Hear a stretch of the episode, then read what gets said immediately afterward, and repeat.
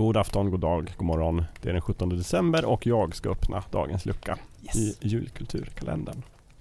Eh, det har tydligen lite blivit min grej att jag tipsar om en bok fast en tv-serie. Som, det ska jag göra idag också, det är en tv-serie.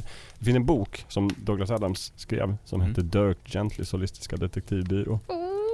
Och han skrev också en uppföljare som hette T-dags för dystra själar. Två riktigt bra böcker som jag i sig kan rekommendera. Men finns också en tv-serie på detta. Och nej, jag tänker inte på den som man tror. nej. Va?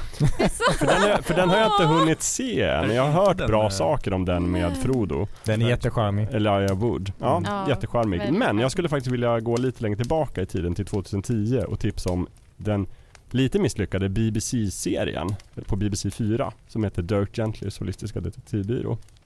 Jaha. Som gjordes i, tror det är tre eller fyra avsnitt.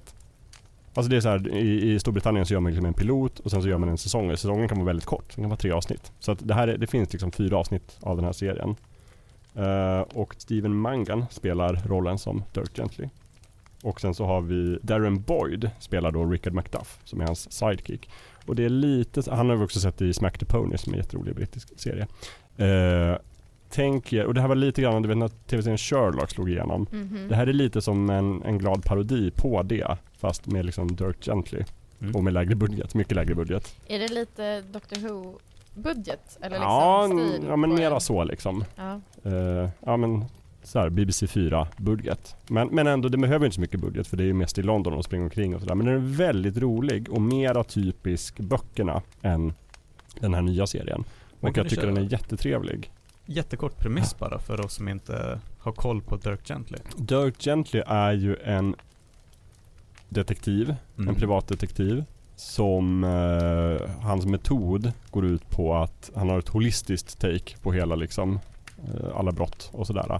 Nämligen att allting hänger ihop med någonting annat. Du vet den här fladdermusen som fladdrar i Asien och det res- resulterar Butterfly effect. Liksom. Butterfly effekt resulterar i en storm i, på andra sidan jorden. Mm. Och han bara såhär, om allting hänger ihop, om jag då är brottet, så om jag bara hittar liksom det som den hänger ihop med så kan jag lösa brottet. Och då, det gör att han liksom han har väldigt tv- tvivelaktiga metoder och frågan är liksom ganska öppen om han är liksom bara en bedragare som lurar gamla tanter på att hitta deras katt i typ Västindien.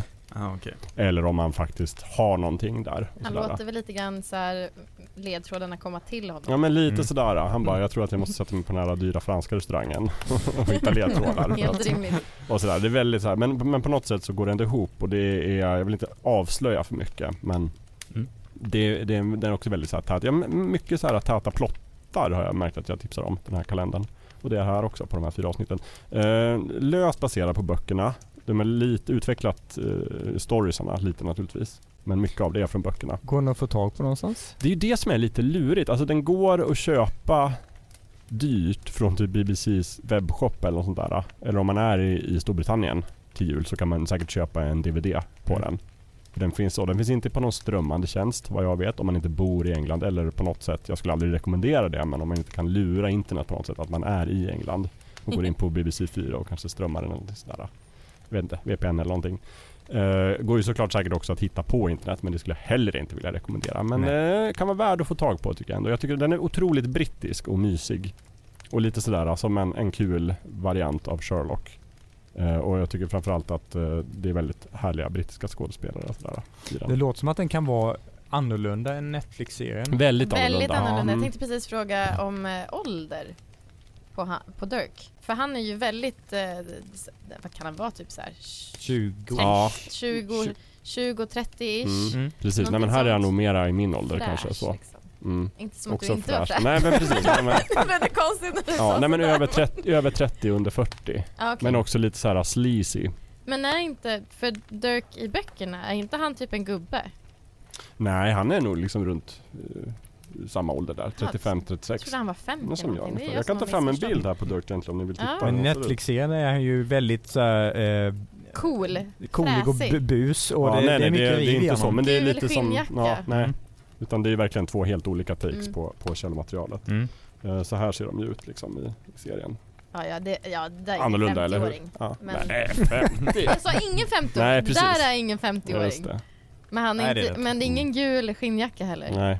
Vi får lägga upp en bild Ja men precis. när ni Mm. lyssnar på det här så ni kan Ja, se. ja, men väldigt kul. ni vet att jag gillar allt som är brittiskt. Så även detta. Så bra tips. Försök att liksom hitta det här. Det är värt det. Ja, Och det är kort också som sagt. Det är inte några fyra säsonger här utan det är liksom en kort liten säsong och sen tyvärr hinner lägger man se det. under julhelgen. julhelg. Ja, Mm. precis. Brevity is wit. Som man brukar säga på engelska.